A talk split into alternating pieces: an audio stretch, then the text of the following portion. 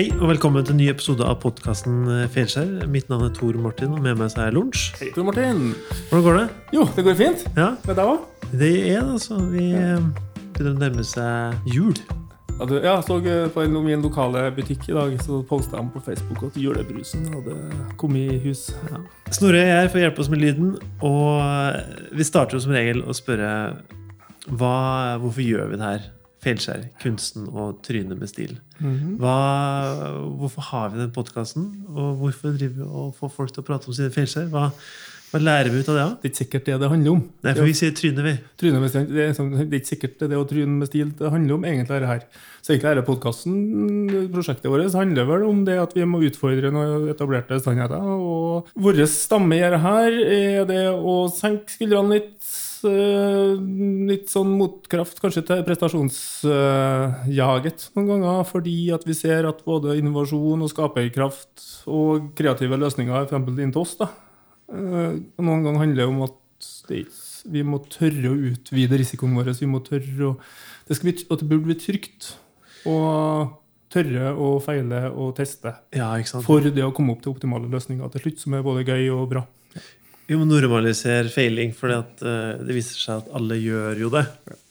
Og eh, dagens gjest som skal hjelpe oss å normalisere det ytterligere, det er Gard Erik Sandbakken. Og han, eh, han har gjort mye rart. Eh, Dette er noe av det han har gjort. Han har vært lærer i 18 år, helt til systemet drepte lærergleden. Det gleder jeg meg å høre om. Han har starta et eh, softwarefirma. Han opplevde både dotcom-bølgen og krisa. Det gleder jeg meg å høre om. Han er forfatter. Han har syv krim-thrillere. Eller krimromanere. eh, Krim og thrillere. Hva sier du egentlig? Det er krim og thrillere? Det er, bare, det er bare to små sjangervarianter på spenningsromaner. Med en twist, i hvert fall. vet jeg. Det er riktig. Og så har han vært rådgiver i mange bransjer og med mange virksomheter, fra lokale til nasjonale. Og så er han utrolig interessert i menneskelig atferd. Hvorfor gjør vi det vi gjør, når vi gjør det? Hva tror du, Lars? Tror du det er mye spennende her? Ja, jeg gleder meg til. Og så var det jo et tips fra en annen eh, Frank Norvik, som vi hadde intervju, eller intervju, ja, en samtale med for en stund tilbake. Ja. Så jeg syns det var veldig gøy. At vi, derfor så gjør det det ekstra spennende. Frank sa jo da at hvis det er én dere skal prate med, hvis det er én dere skal få på podkasten, så er det Gard Erik Sandbakken.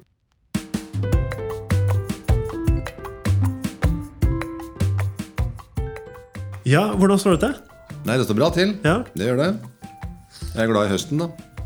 For det er da alt begynner. ja for du er jo sånn jeger, du, ikke En jeger òg, vet du. Jeg liker høsten best. Når jeg spurte deg om å bli med på Feilskjær, hva, hva tenkte du da? Jeg tenkte, Det, det første var faktisk et bitte lite ubehag. altså Tryne, feile. Eh, liksom Skal jeg sitte på en podkast og fortelle om de gangene jeg driter meg ut? altså Det å gjøre noe dumt det fører med seg ubehag. Indre ubehag, et eller annet sånt noe. Men eh, jeg har jo lært det, da, at det å møtes i det eget ubehag, det er jo det viktigste man gjør. Og så er det jo så banalt. da, at Du lærer av feil. Hvis du ikke gjør feil, så, eller hvis du ikke innrømmer feil, eller hvis du ikke blir gjort oppmerksom på feil, ikke minst. Jeg tenkte liksom sånn med gode venner òg. Liksom, jeg, jeg er kjent for å si det jeg mener. eh, Noen ganger litt fort og litt uten å konsekvensvurdere. Men dog, gode venner sier man fra til tidlig. Og noen ganger med høy stemme òg, faktisk. Det synes jeg er fint. Omsorg i det, gjør det ikke det? Omsorg, og også man ser en, en annens talent hvis man sier fra tidlig. For hvis man gidder En del folk gidder jeg ikke si det til. Men de jeg, de jeg sier det til, de, de sier jeg til fordi jeg ser at de har mista et potensial. Eller liksom, du kan så mye mer.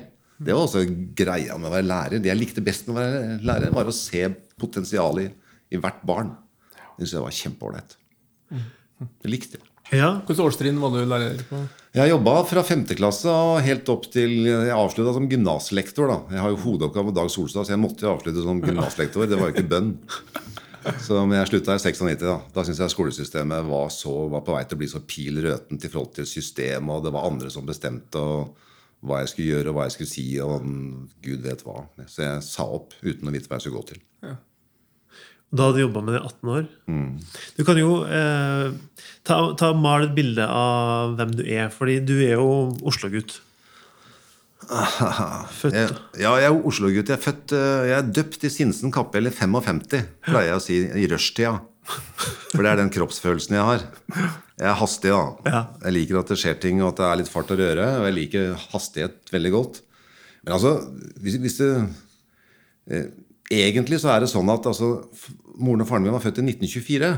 Og det betyr at, eh, og jeg lever jo fremdeles et eh, høyst oppegående liv i en verden som forandrer seg, som jeg føler at jeg er en del av og med i.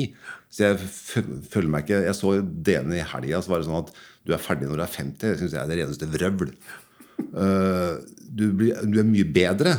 Jeg, jeg, så, men altså, det å ha den fordelen å ha snakket med en bestefar som er født i 1895 som fortalte at den gangen han fikk utrolig mye fisk, det var under boerkrigen. Ok, Det var i 1904 eller noe sånt. Så jeg mener, det å, det å ha så, det, så da, det betyr at den jeg er, det handler om at jeg har en familie som kommer fra Bygde-Norge, som veldig mange gjør. Og så er jeg født i Oslo, som veldig mange ble. Oslofolk er utafra alle sammen. Og så ble fattern litt mer penger, og så endte jeg opp i en tomannsbolig i Asker.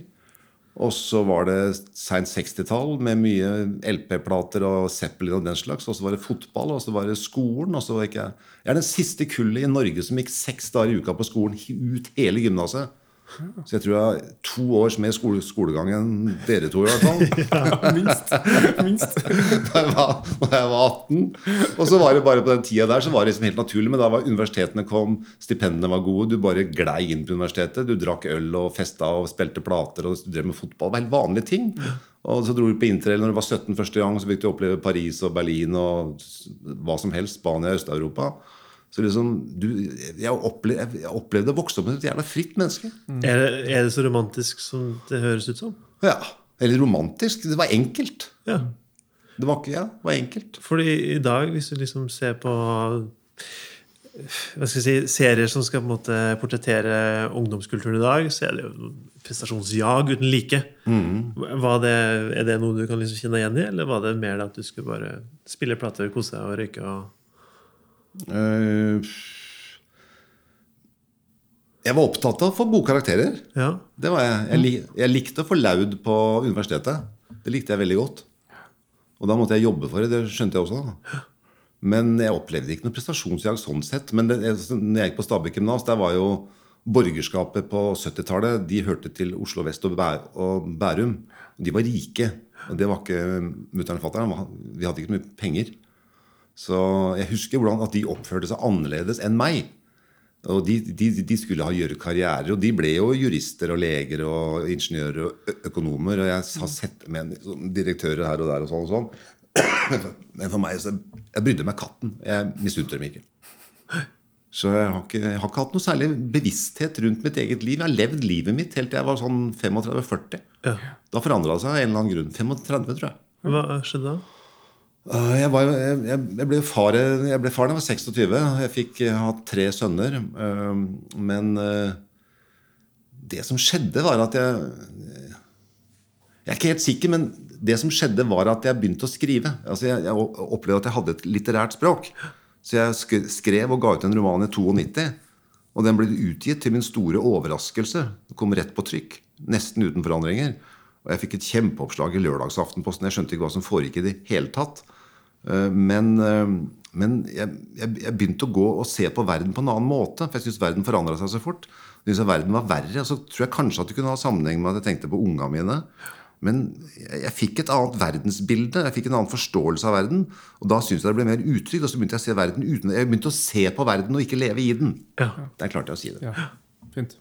Og da fikk du behov for å begynne å skrive? Ja, det gjorde jeg. Og lese. Og sånn og sånn. Og så, og så, og så, så var det en del må jeg vel si at det var en del som rota seg til. Og det har med personlig historie å gjøre. For jeg ser liksom, som du sa i introduksjonen, jeg har alltid vært veldig opptatt av hvorfor mennesker gjør det de gjør, når de gjør det. Og så er det et veldig stor forskjell på det å ha et bevisst forhold til hva man gjør, og det å leve ganske ubevisst. Som jo er veldig deilig. Men eh, du har, så, så, du, så har du medfødt atferdsegenskaper. Det er jeg helt sikker på. Altså type darwinistisk eller gentenkning som sier at på samme måte som fingrene mine, hendene mine det, er, det kommer fra genmoren og faren min. På samme måte så tror jeg at det er genbestemt en type atferd. Det tror jeg. Men så har du også psykologisk historie som alle er, har på et eller annet nivå. Og når jeg var 35-40, så syntes jeg livet var jævla vanskelig og fikk en del i trynet fra barndom. og sånn. Det, det var kinkig. Det har prega meg i ganske mange ti, et par, par tiår nesten. Til jeg var nærma meg 60, faktisk. Og nå har jeg, ja, nå har jeg passert 60 år. Eh, Nå er du fri? Ja, nå er du fri? Har du liksom klart Jeg å føler meg friere enn jeg har gjort siden jeg var 20. Ja. Er det bare at du har blitt eldre og har lært deg å leve med eller har du gjort noe? Jeg har arbeidet mye for å få et bedre liv. Altså For å ja, leve livet mitt, da. Og, og også kunne være leve det jeg kjenner jeg har potensial til, og det jeg er esla til og, lag, og lagd til. Ja. Faktisk. Det tenker jeg på nesten hver dag. Men det, jeg tenker mye uten å vite det. Så når folk spør meg liksom, det er, ja, Jeg tenker hele tiden. En av romanene mine starter med at det beste ved det var at han slapp å tenke. En av mine romaner starter med det. Skriver du om det selv? Nei. Men jeg har skrevet en novelle nå som er om meg selv. Den skrev jeg i fjor vinter, midt i romanarbeidet med den siste romanen som heter 'Den russiske spion'. Eh, Da skrev jeg en novelle som kom bare fra himmelen. Det måtte, jeg satt og jobba med noe annet, men jeg bare måtte begynne å skrive. Og så skrev jeg i fire timer i strekk, og så har jeg pusla på den nesten et år. Og nå er den ferdig. Og første setningen var at bestefaren min skjøt hundene sine selv. Det var setningen i den boka, for det gjorde den. Jeg husker bestefatteren gikk med gamle elgbikkja ned fra det småbruket langs elva Arena. Så, ble, forsvant den, så så jeg den ikke. Så fikk jeg ikke lov å gå etter. Og så hørte jeg at det smalt, og så kom han tilbake med et hundeskinn. Skinnet? Ja, Han hengte skinnet, han garva det, så hengte han det på dassveggen for å verne mot nordavinden. Det var utedo, vet du. Ja. Og så hadde han ett skinn på, foran senga si til å sette beina på om morgenen. Så Varg hang på utedo, og Stella lå foran senga hans. Og Det syns jeg er fryktelig naturlig og helt strålende. Og hundene gamle, dem, da. Gamle, gamle og syke. Så han istedenfor å dra til veterinæren, så skjøt han dem selv. Ja, far min gjorde det samme en gang. Han gjør det aldri igjen. Ok. Og det er jo fordi at uh, Du ikke vil ha ham på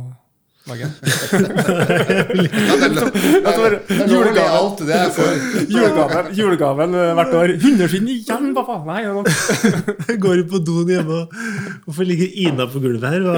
Ja, nemlig. Ja, nei, han, eh, han eh, Ja, for hun var gammel og tenkte at da gjør han det med revolveren. Men det, det blikket du får i forkant, jeg tror ikke det var noe særlig. nei, du må skyte hunden bakfra med hagle i nakken. Ja. Nei, men det var, det var gøy. Her om dagen så var det en kokk som var i en avis, og så, og så han drev og lagde noe veganmat. Da, vet du, og så sa han det at jeg husk hver gang du spiser kjøtt, så, drev, så er du med på å drepe en ku, sa han. Da tenkte jeg husk alle veganere. Hver gang du kjøper en hund, så er du med på å drepe en hund.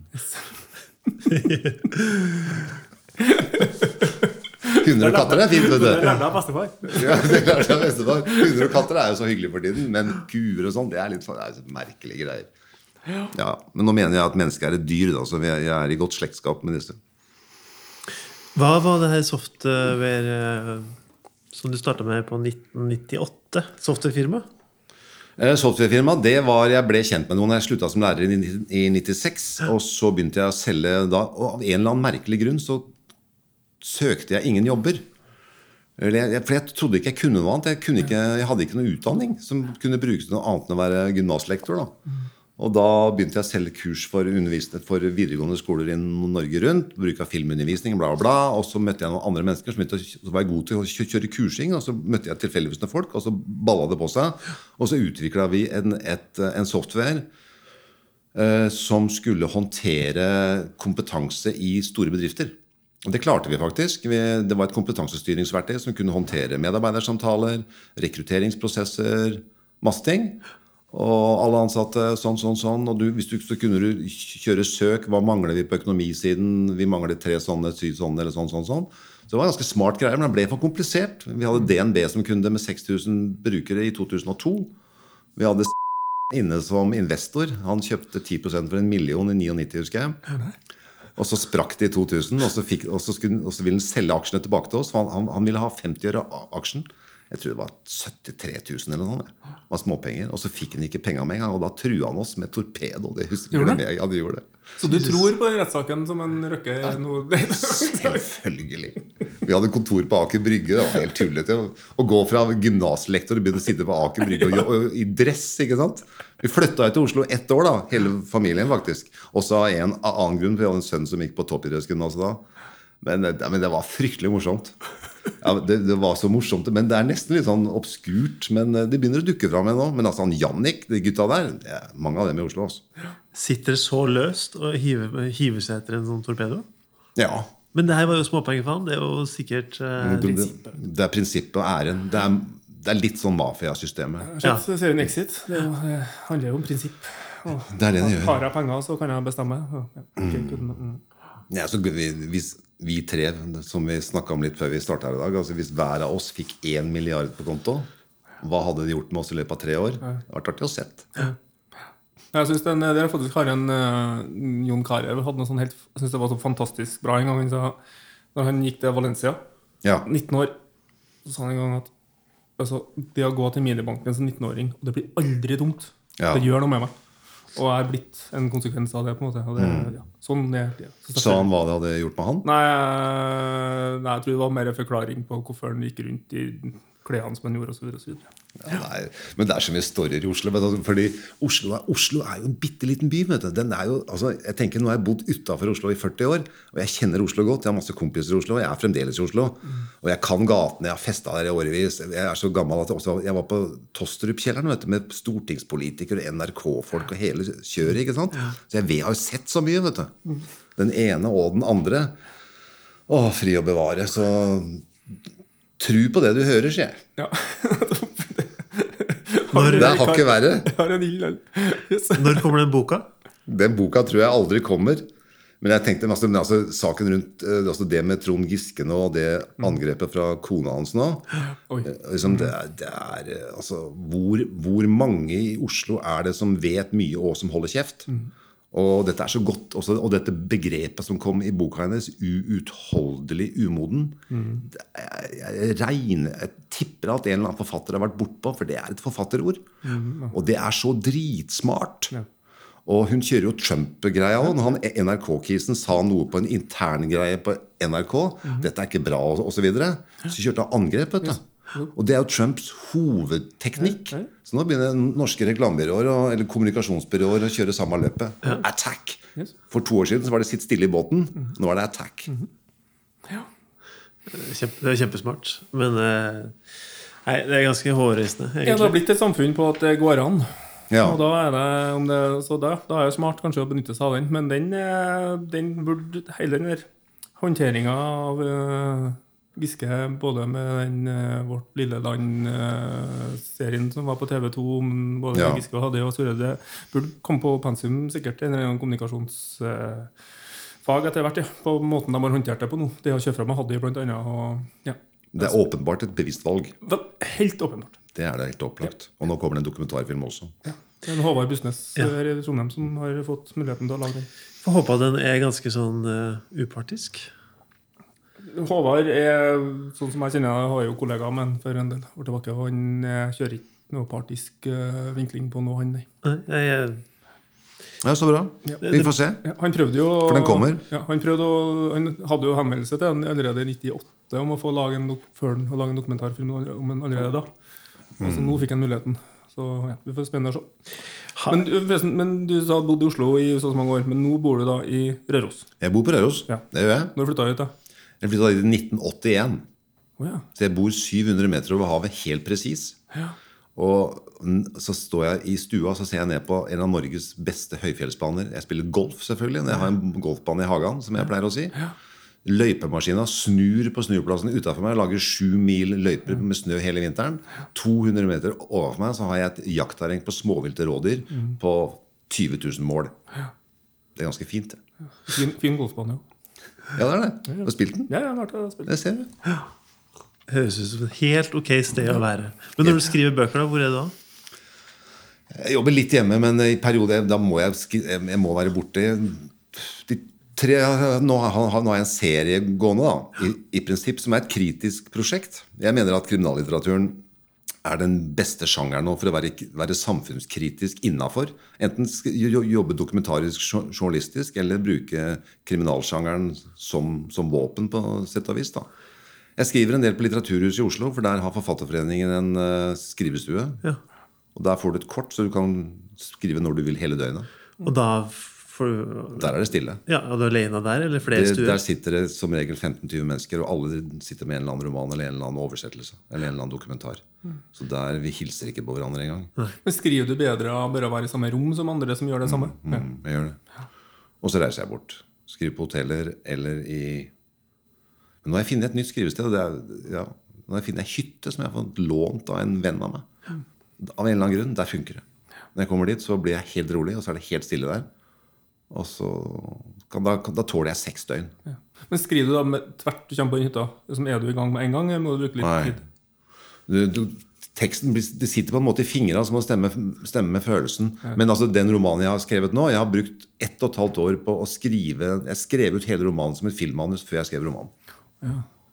Scene for scene. Ok, Så uttaket først, for å metodisere det. Så uttaket hele pakka. ja, riktig. Så, så, du så du er veldig visuell i måten du skriver på? da, på en måte. Ja. Det er jeg. Ja. Og så har jeg fulgt eh, Så har jeg lest boka til Robert McKee, som er guruen på dramaturgi. Så jeg har vært på, jeg har vært på et, mitt eget dramaturgikurs. Ja. Jeg har fått veldig godt betalt for det. Ja. Og gode tilbakemeldinger. Gode tilbakemeldinger. Men det, det som er så kjipt, nå, at jeg har ikke blitt anmeldt i de store avisene. Det syns jeg er så kjipt, men eh, det er noe som det er nå.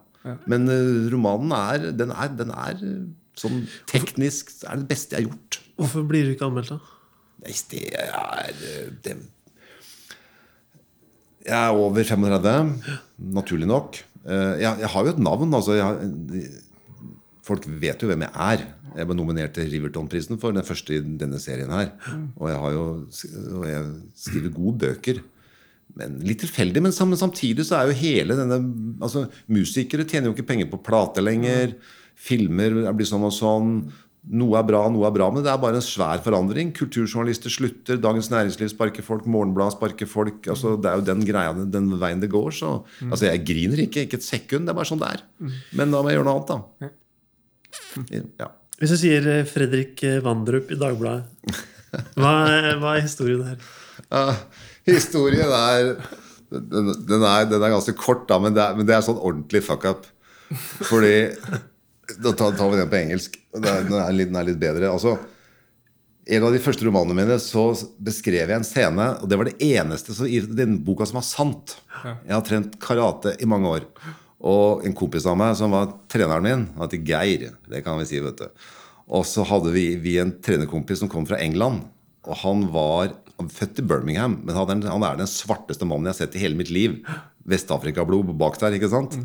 Og Geir og Kenny de tømte en leilighet for narkomane i, som kommunen hadde, i samme oppgang som Geir bodde. Det var sprøytespisser og dealing. ikke sant? Så avtalte de med vaktmesteren. Han åpna for dem. De gikk inn og rydda, brakk armen på en kis, fikk begge ut. Når begge var ute på gata, så skifta vaktmesteren lås, faktisk. Og da, men da hadde folk ringt Snuten, og Snuten kom. Og Geir sier til Kenny Kenny, sett deg i bilen! Hold, Lukk igjen øya, hold kjeften igjen, så ser de deg, ikke sant? For det var om kvelden, ikke sant? Og Purken så ikke Kenny, så Kenny slapp unna. Og Geir snakka seg ut av det. Og den scenen tok jeg med i boka, og så ble jeg anmeldt i Dagbladet av Fredrik Vandrup, som da var litt kritisk, og så avslutta han det. Men for guds skyld, vi kan jo ikke altså Det tåpeligste av alt var å komme med den scenen sånn og sånn, da. Og Det var den eneste som var sant i boka. Og så var jeg på et eller annet sånn forfattergreie, og så var Fredrik Vandrup der. Så var jeg litt full, da. Og så gikk jeg bort og sa faen da, Fredrik. Jeg var der, da. Litt cocky og i det hele tatt. Ikke sant? Og så Så det var ikke veldig, veldig smart, tror jeg. Så Fredrik Vandrup var ikke veldig glad i meg, tipper jeg da. Men mange år senere, når jeg da kom med 'Skarpskytteren' i 2012, så ble jeg nominert til Riverton-prisen. Og så var Fredrik Wanderup eh, intervjua oss. Vi var på Dagsrevyen eller TV 2 på nyhetene, tror jeg. Satt med headset, da. Så ser han på meg.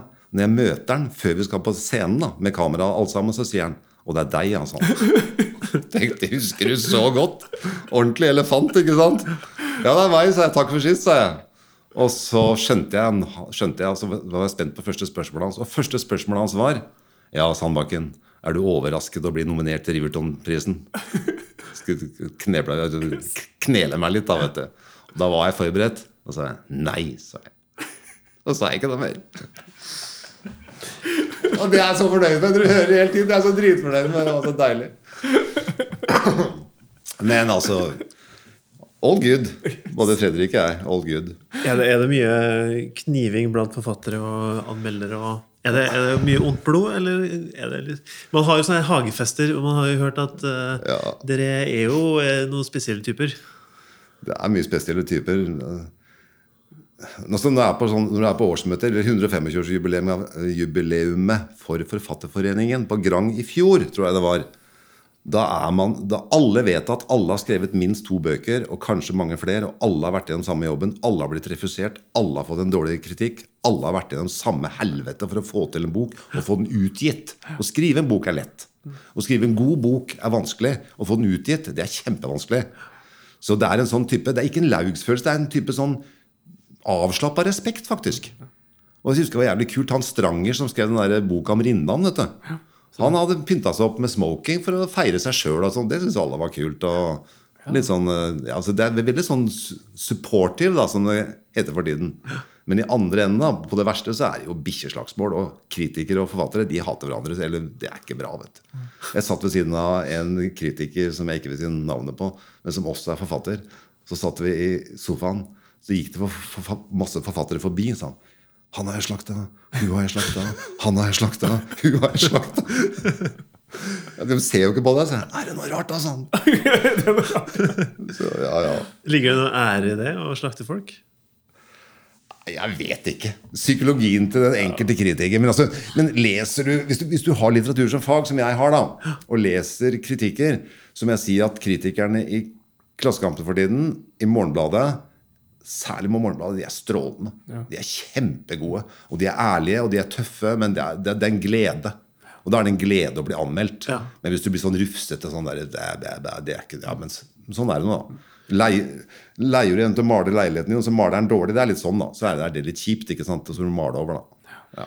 Fikk ikke du en telefon fra Klassekampen? Åh, 97 eller noe sånt. Jeg hadde jobba som kritiker der i en periode når Therese Bjørneboe var kulturredaktør. Det syns jeg var kjempehyggelig, for hun er en jævlig bra dame. Eh, men så slutta, slutta hun, og da slutta jeg. For det var hun jeg jobba for, ikke for avisen. Og så var avisen i krise. Og så ble Jon Michelet redaktør, og så ringte meg og tilbød meg jobben som litteraturanmelder i Klassekampen og, styr, og bygge opp i den avdelingen. da. Så sa jeg nei. Fordi altså, ja, det, jeg har tenkt på det etterpå. Jeg, det var nok nei fordi da var jeg var politisk uenig med dem. Det var, liksom, det var feil greie. Ja. Det var hovedsaken. Satt sikkert bak en brygge i dress og kosa deg?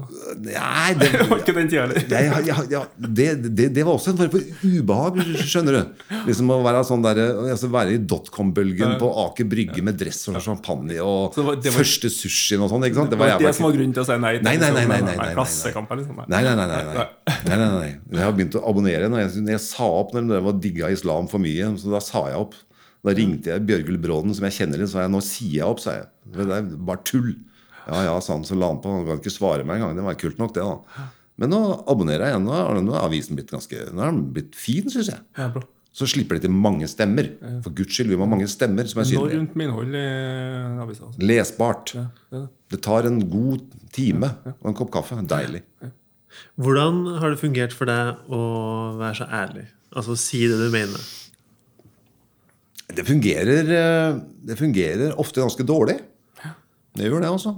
Eh, eh, men, men, så, men, så, er det ganske vanskelig balansegang. Der, fordi å si det du mener da må du, Hvis du skal gjøre det på en måte som er hensiktsmessig eller Du, du sier det jo fordi du mener det, og det er en, en rettighet, da, ja. mener jeg. Men du sier det også, når du først gidder å si det, så sier du for å at yter den andre en rettferdighet. da. De har gjort noe, så, så mener du om det, men også kanskje i tillegg at du ønsker å hjelpe den andre. da. Men du skal være ganske god på å skjønne den andre. og for ikke å ja, Såre folk er jo kjipt. da, Det har jeg selvfølgelig gjort. Og det, ja, jeg har gjort mye rart. altså. altså jeg er veldig spontan. da, og Veldig sånn følelsesstyrt noen ganger. Og som det, En gang jeg var lærer det var første, En av de første jobbene mine Jeg var en ung mann. vet du, jeg var 5-26 år. og så var det en elev, og da, var, da, låste vi dører. og Det var ganske mye gangstere på den tida. Det var i Asker, på en ungdomsskole. Det var ganske mye kaos og kniver. og Det var, det var ganske ubehagelig, faktisk. Og så skulle jeg lukke igjen døra, så var det en elev som holdt igjen døra. En annen klasse hvor læreren ikke hadde kommet. Og så er jeg slepp, sa jeg. Og så slapp en. Og så skulle jeg hente dørhåndtaket igjen, og så sparka han døra. Så han traff, døra traff meg midt i trynet med full kraft. Så jeg gikk jo nesten ned. Og Da bare slengte jeg opp døra, så tok jeg han der gutten i brystkassa, så hengte jeg han opp på en knagg. Så skrangla jeg tenna på han, og der hang han etter kragen. da, På veggen. Så kom en annen lærer som så det. Det var jo katastrofe. Tenk om det hadde skjedd i dag og vært filma, f.eks. Men nok om det. Poenget var at Konsekvensen var at han der gutten han skjerpa seg. Og, og, rektor han tok meg på møte. Og så sa han det er kjempealvorlig. Sånn, ja, jeg forstår det. Så jeg, jeg var nervøs, men ikke så veldig heller. Og så sa han men eh, vet du, sa han, flere skulle ha gjort som deg. Så hadde vi hatt mindre kniver, vi hadde hatt mindre slagsmål, vi hadde hatt mer orden på skolen. Så, men ok. Men altså det Ja. Men, men ærlighet men, altså, men nå for tida vet du, med Facebook og posisjonering og status og alle, Folk er blitt så forsiktige. Å, du skal føle deg fram og si riktige ordet på riktige festen og alt mulig. Og jeg, Frank, som har vært her før meg, sa at min generasjon han, han har jo levd med meg en stund, er i to år på jobb. Det har vært strevsomt. eh, Bare spør han. Eh, eh, Jeg syns han var ganske strevsom noen ganger òg, det må sies.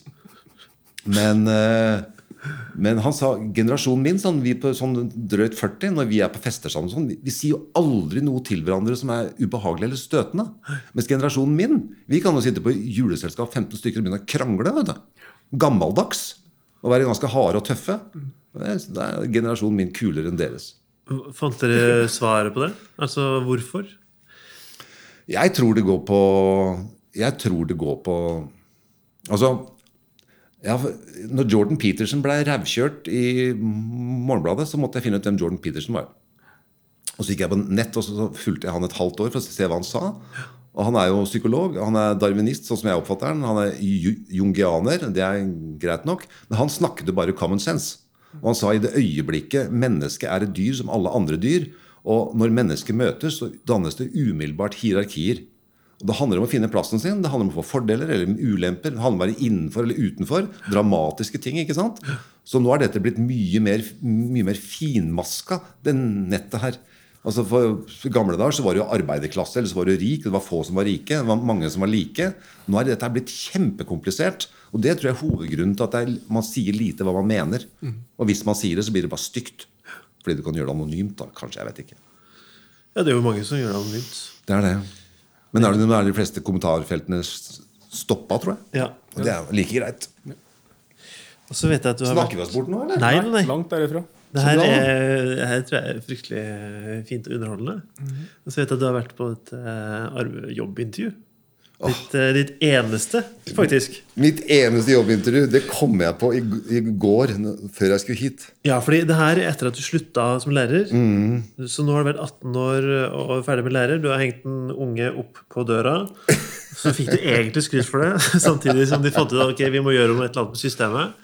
Og så tok systemet livet av eh, lærergleden. Ja, faktisk. Og så eh, skal du søke jobb.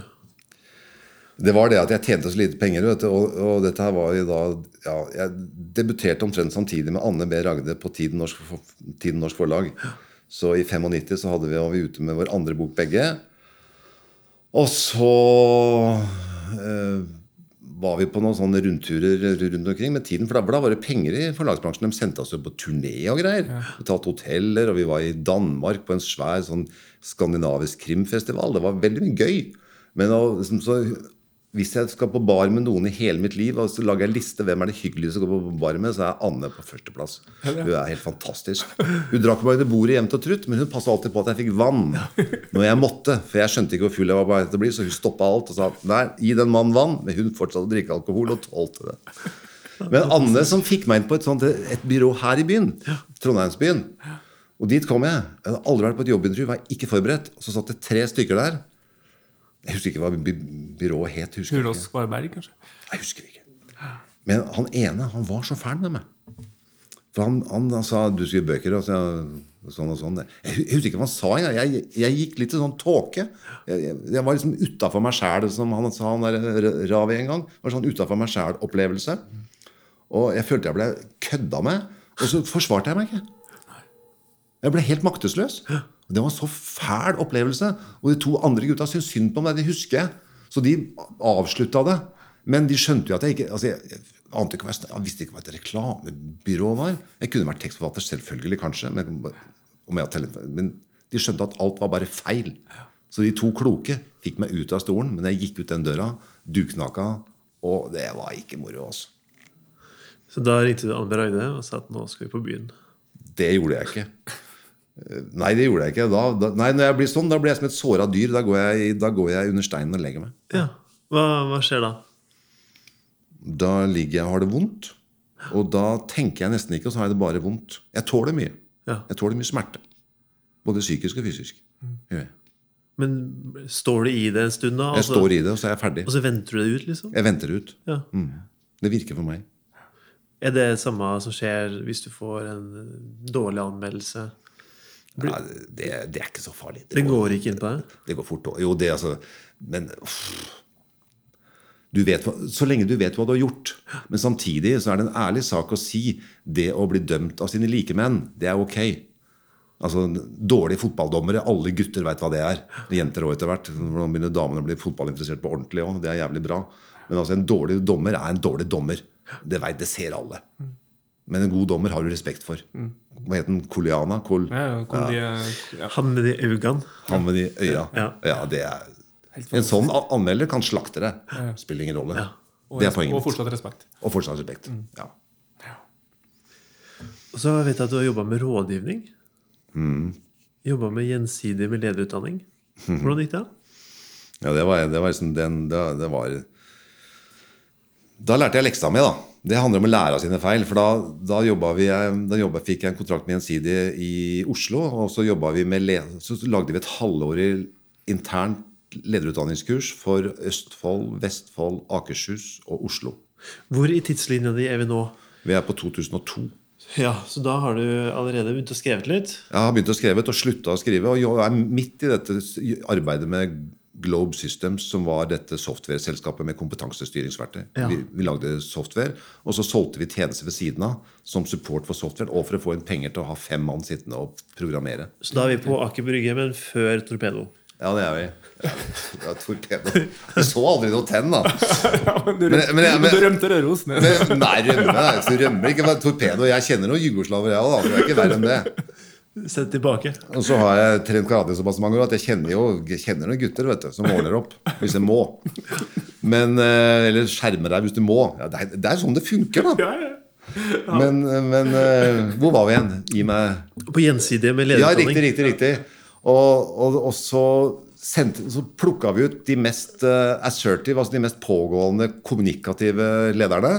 Så trente vi dem i seks måneder. Todagerssamlinger, fire eller fem stykker. Så sendte vi dem ut igjen til avdelingene sine. Der hadde de mellom fem og ti ansatte. Så skulle de selge forsikring. rett og slett. De hadde svære, hårete mål. Og når de kom tilbake i jobb med fullt trøkk, så gikk sykefraværet til himmels, og salget gikk i bånn. Så da lærte jeg skal du gjøre forandringer i en bedrift, så må du jobbe med alle. Du må gjøre, jobbe involverende, og du må starte nedenfra og ikke opp, og ikke ovenfra og ned. Så siden den dagen har jeg aldri levert ledelsestrening for, som, som skal gjøre de så kloke at de skal plutselig gå ut og fikse det. Jeg krever å jobbe med alle ansatte, ellers gjør jeg ikke jobben.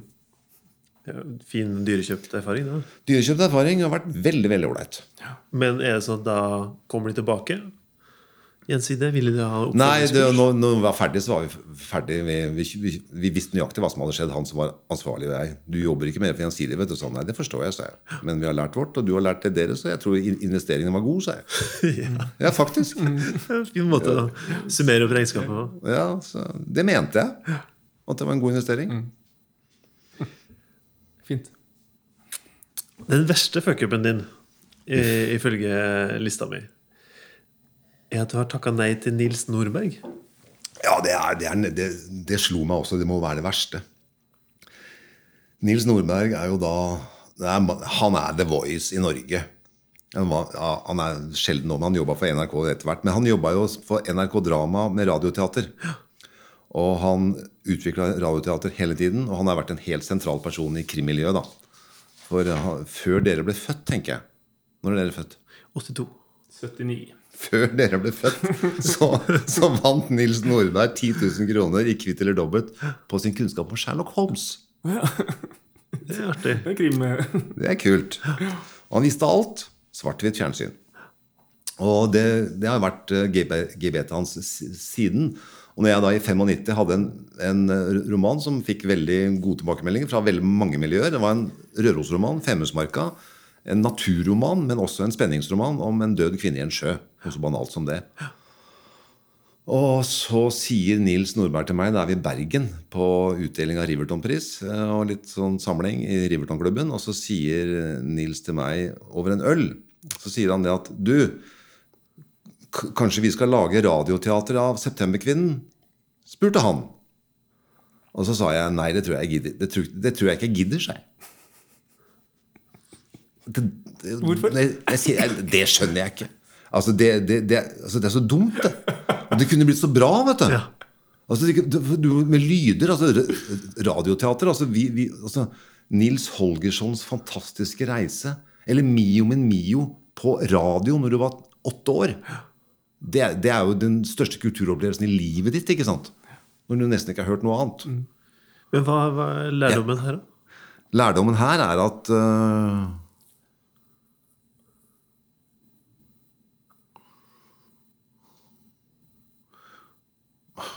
Lærdommen jeg, jeg har for lite inngående kanaler. Jeg har for lite Jeg, jeg, hører ikke etter noen ganger. Jeg hører ikke etter. Nei, for- Var han for god? For god for radioteater? Var han for, Nei, nei, nei. nei. Var det noe frykt i deg som kom Nei. Nei. Det var ikke det heller. Det var bare impuls? Nei. Det var helt impuls. Og jeg tenkte må jeg til Oslo og så må jeg begynne å jobbe med greiene. Skrive manus. Og, jeg, og jeg, så visste jeg ikke hva det var verdt. Men heldigvis, da, noen år senere, så ble September- 'Septemberkvinnen', romanen, faktisk plukka opp av Oddvar Bull Tues i 99. Og da var det Og Erik Poppe var da på vei opp. Da skulle Erik lage tre timers påskekrim. Han og jeg utvikla manus sammen. Vi var ferdig i Femundsmarka med alt opplegg og skulle lage tre timer påskekrim for NRK. Da sa jeg ja. Når, når NRK ringte den gangen, da sa jeg ja. Det har jeg glemt. og så Var ikke falle å fly og sånn. og så, nei, nei, nei jeg, har, jeg har vært livredd for fly i mange år. Jeg har klaustrofobi oppover øra. Ja, det er helt riktig. Å, fy faen, jeg- var jo fly! Nei! jeg, jeg er så redd for så mye, vet du. Å, fytti granskauen. Og så, og så slutta Oddvar Bjørn Tues, og så kom det inn en annen kar som dramasjef, og så rakk de ikke få i gang Det var, like før de skulle si go, og så bare tok han penga og brukte det på noe annet. Så det ble det ikke noe av. Men det var noe sånn som sagt. Da. Det, var, det, var, det var på uflakskontoen. Det er ikke fuck up. Nei. Så. Nei, det var jo ikke for seint nå. Ja, ja, jeg syns de, jeg syns de tre romanene jeg har nå, kunne jeg tenkt meg å gå til Netflix i Oslo med. Jeg. Det holder, holder vann så det suser. Jeg har en kjempestory. Jeg har en kjempespennende karakter. Det er smarte bøker. Det har gjort dokumentarisk Jeg har jeg har gjort som research nå. Den boka jeg har nå, den virkeligheten tar den igjen. Den, jeg har, jeg har, den kom ut i august. 1. september. Og den er tidsberamma til Den starter 17.1.2020. Og jeg skriver mye om Svalbard og de tingene der, og om Estland og disse tingene der. Og altså disse tingene her. Nå ser jeg liksom at Når jeg ser nyhetsbildet nå, så leser jeg min egen roman i, på Dagsrevyen. Det er jo nesten litt uh, skummelt, da. Ja, det er det. Men det er fordi jeg har gjort researchen. Ja. Mest ubehagelig fuckup. Du har jo en helt fantastisk liste, da, så takk skal du ha. Selvsentrert. Hva, hva legger du i det? Altså, Hvis man som menneske ønsker å lære av sine feil, hvis man ønsker å bli et bedre menneske, fint, eller bli mer seg selv, eller mer av seg selv Vi kan lage noen ord og setninger rundt dette som er vettuge. Men eh, det, det viktigste er at man faktisk må tenke etter. Og så må man være i stand til å analysere og se og, og forstå hva som foregår. Men når du er selvsentrert i den grad at du bare altså du har en indre følelse som gjør at du blir altså Mye av frykten min, da, som er sånn psykologisk historiebasert, den låser jo. Og når du blir redd, så får du kontrollbehov. Eller enten så flykter du, eller så angriper du. ikke sant? Eller du bare låser. Og da blir du jo så da, da har du uflaks, da. For da har du, da har du en sånn type følelseslading som låser deg. Og så har du samtidig et så ekstremt uttrykksbehov og et så veldig hastighetsbehov. Og da blir du sjølsentrert til det idiotiske. Og det gjelder på jobb, det gjelder i sosiale settinger, det gjelder eh, hjemme med kona mi, med barna mine også, barnebarn også. Det gjelder i veldig mange sammenhenger. Så folk ler. Når hvis jeg prøver å være morsom, så er det ingen som ler. Familien ler av meg når jeg ikke ønsker det. Da ler de seg i hjel. Så da skjønner du altså, så det, åh, det, det, det, da, det er egentlig litt trist. Det blir jeg lei meg for. Jeg mister så mange muligheter. Og så, og så, og så mister jeg liksom Jeg kunne glede meg over ting som skjer akkurat der og da. da. Men så, når ting skjer akkurat der og da for meg noen ganger, så er det sånn Å, hva er farlig? Hva kan skje? Liksom, ja, du skjønner. Du ser jo på meg, for nå sitter jeg i studio og slår henda for brystet. Men det er en følelse som fortsatt sitter i deg? Det er ikke noe du har liksom Blir aldri kvitt den. Jeg må, bare jeg må bare være veldig oppmerksom. Og så må, må jeg ha gode venner som kjenner deg godt og som kjenner meg godt. Og så har jeg da avtale med tre stykker som er støttekontaktene mine. Ja. Støttekontakt er undervurdert. Så da er det å ringe de, da, hvis du merker at nå Da ringer jeg og ber om hjelp. Eller hvis jeg er sammen med dem, så sier jeg stopp meg hvis det blir for dumt. Eller, ja. Så gjør du det. Men når du sitter alene og skriver, Mm. har du da behov for å liksom ha noen å prate med deg, eller kan du godt få lov til å være alene? Og, Da må jeg være alene. ja. Da må jeg være alene. Så der funker det bra for deg å være selvsentrert, egentlig. Det har du helt rett i. Det har jeg ikke tenkt på. Er det et forfattergen? Altså et trekk? Ja, det tror jeg. Har du Har du andre forfatterkollegaer som du måtte kjenne deg igjen i? Som er litt sånn litt samme typen som deg? Jeg kjenner ikke så mange forfattere godt. Vigdis Hjorth kjenner jeg ganske godt. For jeg kjørte skrivekurs sammen. Så det er, litt, det er ganske likt Anne også. Det, det, er, det er likt Jo, Anne er jo helt glassklar. Hun må være alene. Hun holder på å dø når hun sitter og skriver. Men hun kjører tøft, og hun kjører tre måneder. Og røyker og bare altså, å, Så det er jo i overkant. Men jeg, jeg, jeg kjører én og en uke. Men jeg har begynt å jobbe annerledes. Jeg jobber mer filmbasert. Jeg jobber, jobber mer som om det er film. Jeg jobber mer som om det er sånn, sånn, sånn. Altså, jeg, jeg jobber bredere, saktere nå. Ja. Altså sånn, sånn forfattere, forfattere som starter roman. Ja, det er artig å starte en roman med en god idé, og så ser jeg hvordan det går. Jeg mener, ok, Du ser jo romanslutter. Da, du skjønner at det er sånn det er lagd. Så slutten holder ikke vann. Hvis du har gjort en feil, er det vanskelig for deg å innrømme det?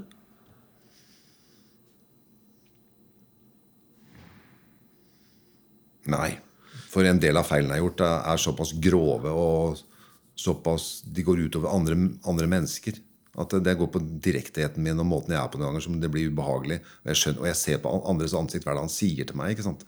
Jeg er fryktelig ubehagelig. Ja. Du er, da, er, da er jeg slem. Da er du flink til å si unnskyld? Og... Da sier jeg unnskyld. Ja, ja. Det gjør jeg. Jeg står for det jeg har gjort, og jeg er og jeg, jeg kan si unnskyld på en ordentlig måte, hvor det betyr unnskyld. Ja. Men hva med sånn etterrasjonalisering? For hvis man er liksom selvsentrert, så kan det hende at du finner ytre faktorer da, som gjør at nei, nei, det her gikk ikke det, den veien av at det var noen rundt meg, eller eh, det var av timingen, eller Ja, nei, det, det, er, det er et veldig bra innspill, det. Fordi ting jeg har sagt eller gjort som har gjort at andre har vært såra eller blitt sinte på meg, eller, eller sånn, sånn, sånn, sånn, sånn, sånn, noen ganger så står jeg i det og mener at det jeg gjorde, var riktig. Så kan du kjøsse deg i ræva, være så såra du vil, tenker jeg. Ja. Det lever jeg også med. Men da, Med fare for å falle, selvfølgelig. ja, men da, Eller å være blind og døv. ja, men da har du definert virkeligheten for deg at det er sånn du mener at det skal være. Det var det du spurte om. Ja, det er faktisk. Da, da tenker jeg etter. Det er riktig, det. Det er det. Du har, eh, det her er jo kanskje ikke et feilskjær, men du har en litt sånn eh, morsom historie med Jan Guillou. er det noe du kan ta nå? Ja, da, vi kan ta den. Vi, vi snakka jo sammen eh, for en stund tilbake. så vidt. Også, nei, det, er, også en sånn, det er også en story fra forfatterverdenen da, som, som er som jeg, som jeg syns var gøy når det skjedde. Det var så sært. Er det, er det, er det mer action i forfatterverdenen enn det var på Aker Brygge? Å ja.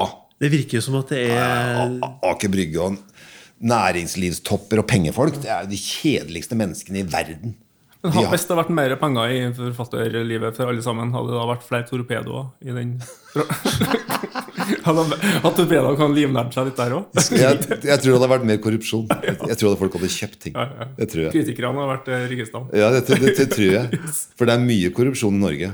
Det snakkes bare ikke om det, og de er ikke tatt. Og det er en e- egen måte å være korrupt på, som er mye smartere. Du får posisjoner og bla, bla, bla. bla. Men eh, nei, det, var, det, var, det var jo på Det var 495, 94 tror jeg, så Anne B. Ragde og da, da var vi på turné da, til København på skandinavisk krimseminar. Det var morsomt på et sted utenfor København. Det var et veldig fint sted, og det var svensker der, og dansker der, og nordmenn der, og litt forskjellig annet. Og så ble det full krig fordi danskene ville røyke inne, og svenskene syntes det var feil. og sånt, Det var litt morsomt. Og så var det øl, og så var det sånn og sånn. Og så, men så bodde jeg på rom med Arild Rypdal. Eh, han var da en han, var, han skrev spionromaner. Han hadde jobba for sikkerhetspolitiet. Så han hadde direkte erfaring. Så han på sett og vis Norges Ian Flemming. Han, han skrev sju-åtte-ti bøker tror jeg, og, så, og solgte en del av det òg. Han var en underlig skrue. Og så drakk han. Og så var han mager, og så hadde han sånn dressjakke. Han, han så ut som en sånn derre blanding av en engelskmann og en østeuropeer. Med litt sånn, aldri litt sånn ustelt skjegg og sånn hesteansikt og greier. Han, eh, altså, så sa han ikke noe mye. Vi, vi bodde på rom, han snakka nesten ikke til meg. Ikke jeg til alle. Men det var da sånn sak. Og så var det han og Jan Guillou som satt og hadde plenumsdiskusjon om å gjøre research i Midtøsten. Og så krasja de selvfølgelig på Israel-Palestina.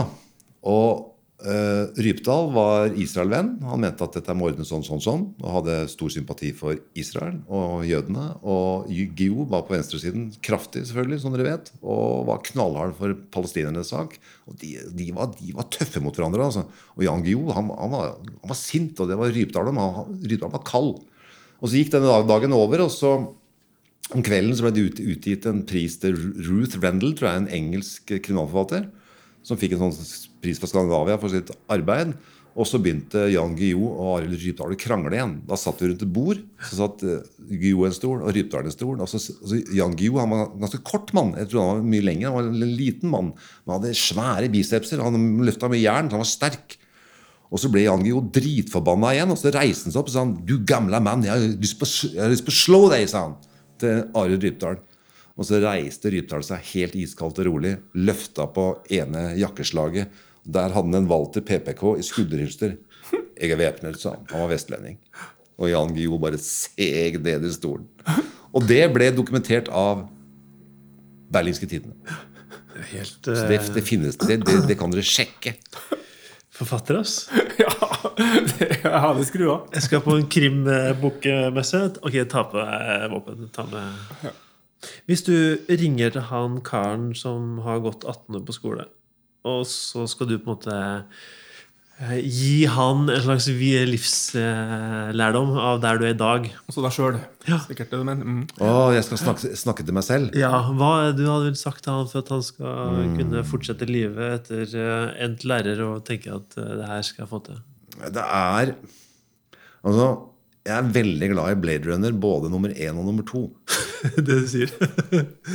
Og i Blade Runner nummer to så er det jo en sånn Og så er det en film som het Så var det en film med Så var det en film med Jo, det må vi bare ta tid til på dette. Denne podkasten. Åh, hva het den? Hva handler det om? da? Den handler om Det er han som, han som, det er han som spilte i True Detective. Altså Ja, Eneren, toeren, treeren. eneren. Matthew McConaughey. Matthew McConaughey. Oh, ja, ja, ja, det er Interstellar. Interstellar. Ja, Interstellar, stemmer. Den, Kona mi vi, Når vi går på kino sammen, så ser vi film vi begge har lyst til å se. Denne gangen så var vi i Trondheim på en liten tur, og så sa jeg nå ser vi en film bare jeg vil se. Jeg vet du ikke liker sci-fi. Nesten ingen kvinner liker sci-fi. Men du blir med på det. Ok, sa hun. Hun sovna, og jeg gråt. Jeg gråt av følgende scene. Filmen starter med at Matthew McConaughey har en datter som ser en bok bevege seg i bokhyllen. Hun tar den ut, og der er det koordinater. De reiser til koordinaten. Jorden er på vei til å gå under. Det finnes menneske-DNA eller embryoer rundt i forskjellige planetsystemer i galaksen vår. Han er tilfeldigvis eh, astronaut. Han blir sendt ut for å redde menneskeheten. Og så, i en scene langt ut i filmen, så er det han selv i en annen tid som gir seg selv lappen med koordinatene. Og når han hang til høyre, da begynte jeg å storgrine. Og det er nok det, jeg, det slår meg akkurat nå. Det er nok tanken om å tenke om jeg kunne gjort det med meg sjøl. Fy faen, så deilig det hadde vært. Men det er ikke mulig. Men hvis, hvilke koordinater hadde du gitt da? Nå er det så faktaorientert. Jeg, jeg er helt nedpå. Ja. Du, Hvilke koordinater skulle jeg gitt? hva hadde du sagt til deg? Altså, jeg, faen, jeg vet ikke. Slutt å spørre, da! Nei, men det er lov. Det er, det er, det er, jo- det er jo viktig å trykke, da. Det er jo, det er jo, i- det er jo i min ånd. Trykk på. Ja, det er fint, men eh, jeg tenker eh, Du ser bare Skrive. Her er panna og papiret. Skrive. eh, Ok. Svaret må bli det er, det er litt litterært, og det er litt sånn juks på sett og vis, men det er ikke juks allikevel. Jeg var russ i tre timer med russelue. Jeg gikk i russetog i Oslo, og da ga jeg blaffen. Og jeg hadde tenkt å skrive med sånn hvit, hvittusj på russeluepermen. Hva heter det for noe? Ikke permen, det heter russeluebremmen. Så hadde jeg tenkt å skrive 'Gi meg mer av liv'. Det er svaret. Lunsj. Har du lyst til å prøve å oppsummere hva, hva vi har lært? Først av alt en enormt eh, givende og flott uh, bekjentskap. Uh, det var morsomt, syns jeg. Ja. uh, ja, oppsummer, jeg vet ikke hvordan jeg skal oppsummere sånne ting. Men jeg likte veldig godt en ting han sa. Det var På et tidspunkt så, jeg, så begynte jeg å se på verden i stedet for å være i verden. Den eh, sa du tidligere, og den, eh, det tok jeg med meg, kjente jeg. Og det håper jeg vi kan, for vi er ganske veldig flinke til å se på verden om dagene. Så hvem med jeg i ja, den verden jeg sitter og ser på? Den, eh, ja. Og så syns jeg det var et trailer som jeg synes du kan ta med oss um, det er egentlig Vi har prata mye om det i podkasten her òg, i forhold til næringsutvikling spesielt. Det med, å, eh, det med at følelsen av frykt begrenser seg så mye. Og, Men når du gjør det, så omtaler den det som at den har noen støttekontakter. Og det har vi snakka mye om. også det å Nok en gang bekreftelse på det men viktigheten av å skape seg noen sånne ja, så kaller jeg samvittighetsbærere eller tillitsforhold hva skal kalles, som en kan diskutere med, når, og som kan justere seg litt noen ganger. Og så kan det, noe, det kan jo fungere begge veiene til mennesker. Og så øh, Sånn sånn, tar det meg over til øh, konsulentbransjen, da, så er det med å nok en gang Og her syns jeg vi fikk det på en veldig sånn u ukonsulentmåte å si det på. Jobb med hele organisasjonen alltid. Ikke bare med toppledelse og nedover og så videre. Og, så videre. det, og, at det og at den har det synet på at det var en dyrekjøpt, men viktig og god erfaring. Både for kunde, sammenhengen her gjensidige, og for da en guide sjøl. Og så har begge partene lært av det. Eh, De blir sikkert bedre innkjøpere neste gang, og du blir bedre selger til hvem du skal tilby tjenestene her til neste gang igjen. Så jeg syns det var en veldig sånn fin ting i ånden av Feilskjær-podkasten. Eh, akkurat den her. For at det um, Hvordan vi skal ta det med. Og, ja. og så og så selvfølgelig et sånn Det tok jeg jo litt sånn kjent veldig sånn sjøl òg. Lytt før du sier nei. Eh, det ligger kanskje i ryggmargen noen ganger å si nei, men lytte. Ja. Så jeg syns jeg var en, ble en ja, synes det var en fin stemme i eh, den, i den, i den eh, runden som vi har hatt nå. med podkasten. For tenk om, tenk om dere er uredd nå, én dag på jobb. Det er liksom en, litt en metafor. Men hvis dere alle har en sånn, sånn som du får på Norwegian eller SAS, en sånn rundt halsen, så står det 'Jeg reiser alene'. Den er ganske fin en dag på jobb. Og da begynner man å spørre hverandre litt andre spørsmål, tror jeg. Yep.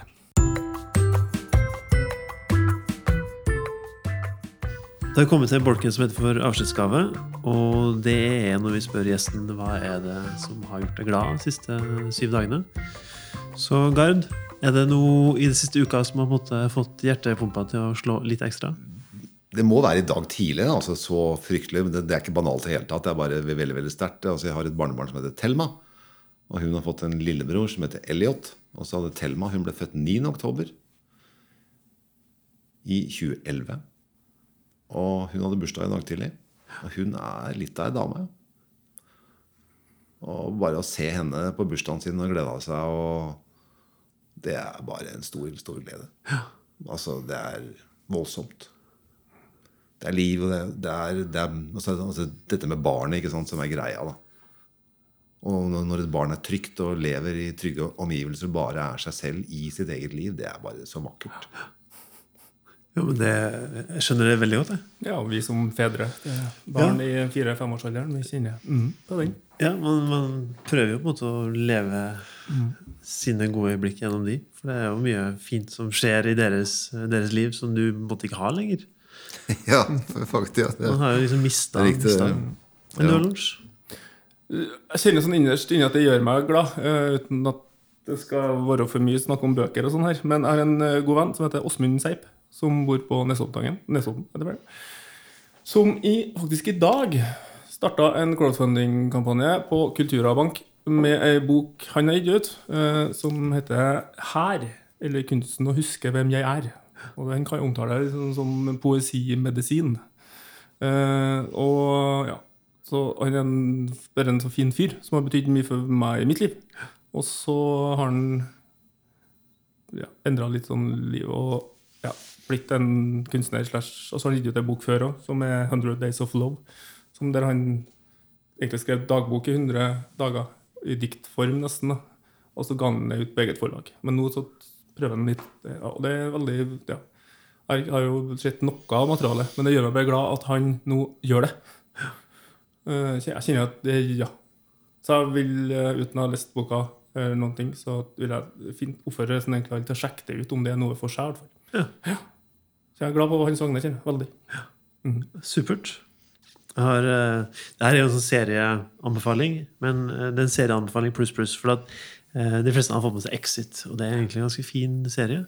Men det jeg kunne tenkt meg, er at eh, du, Gard Erik, tar en telefon til serieskaperne bak Exit. Og så kan du, du anonymt stå frem og fortelle hvordan det har vært i forfatterbransjen. Fordi det virker jo som at det er en del fine, saftige historier fra dere også Det har jeg ikke tenkt på. det å bare få en serie fra innsiden For det, det sier seg selv at uh, de her finansfolka Så klart, det der er biler, det er, det er liksom drugs og uh, flotte damer. Det er sånn det er. Men dere har jo også deres uh, verden. Og den tror jeg er helt sikkert mye mørkere uh, enn det folk tror. Det er riktig. Så det, den serien uh, gleder jeg meg til. Kan vi lage en om reklamebransjen også, i stedet for Mad Men, norske versjon. Det er ærlig. Det er faktisk en god idé, Det er en veldig god idé. det du kom med nå. Skal vi sette oss og skrive den? Om er om uh, forfatter uh, ja. undercover på Stokkøya og med Anne B. Ragde. Nei, men Det er lett å finne storyene, skjønner du. Men du bare Ja. Nei, det er ikke vanskelig. Kan vi ha sånn, eh, Hvilken serie er det der at de bytter, de bytter forfatter for hver serie? For hver uh, Ja, Det er noen som gjør det, men, men, men det, det, har det sittet Det jeg liker med Hollywood, at de har 15 stykker som sitter og gjør jobben. vet du. Og da Så ja. De er flinke. Så det som gjør deg, det som da, For å oppsummere den, Tor Martin, det som da gjør deg glad, er at når denne podkasten har kommet ut, Så har vi så er, allerede, så er det i gang. Jeg har ikke noe manus ferdig, nei, gutter. Men det er en strålende idé. Og den er faktisk og det, den, den er kul. Den er det. Vi kan starte med en podkastserie som gis ut til påske som påskekrim. Da. Ja, det er jo Ja, nei, det er Muligheter fins det nok av. Åh, vi skal bare gripe dem. Flytte og si nei nå, Mm. Ja, det skal jeg aldri gjøre mer. Det er jeg ferdig med. Det har dere gjort med meg. Takk for det. Særlig. Takk skal du ha. Så herlig. Tusen takk til de som har hørt eh, på oss så langt. Og tusen takk igjen, Gard, for at du ville komme og prate med oss. Hvor er det folk kan eh, kjøpe bøkene dine? Eh, De tre siste får man kjøpt i bokhandel eller på internett på vanlig måte. Og den siste, 'Den russiske spion', kjøper den er i alle Norges bokhandlere. Og den er på internett. Tilgjengelig for alle. Og på bibliotek. Ja. ja, men Så bra. Da er det noen som må kjenne sin besøkstid før jul og skaffe seg en god julegave. Neste gang så skal vi prate med Pål André Helland. Han er jo en eh, fotballspiller på Rosenborg. Eh, Og han har faktisk, eh, selv om han har liksom mye, mye suksess i det han holder på med, så prater han faktisk litt om det med prestasjon, det å klare å spille på høyt nivå, og likevel ha noen dårlige dager. Så vi satser på at vi får han inn. Har du en historie som du ønsker å dele med oss, så ta gjerne kontakt med oss på feilskjær.uredd.no, eller på Facebook og Instagram, eller tips oss gjerne med noen folk hvis det er noen som du har lyst til å høre på. Gi oss gjerne en rating, eller legg igjen en kommentar hvor du hører på podkasten, så at vi vet hva du synes, og så vil vi jo vi hvis vi får noen stjerner, så vil vi jo også være mer synlige for andre som er på jakt etter podkasten. Podkasten her er produsert av Uredd og Lydsporet Media og kommer ut hver mandag. Takk for i dag. Takk for i dag.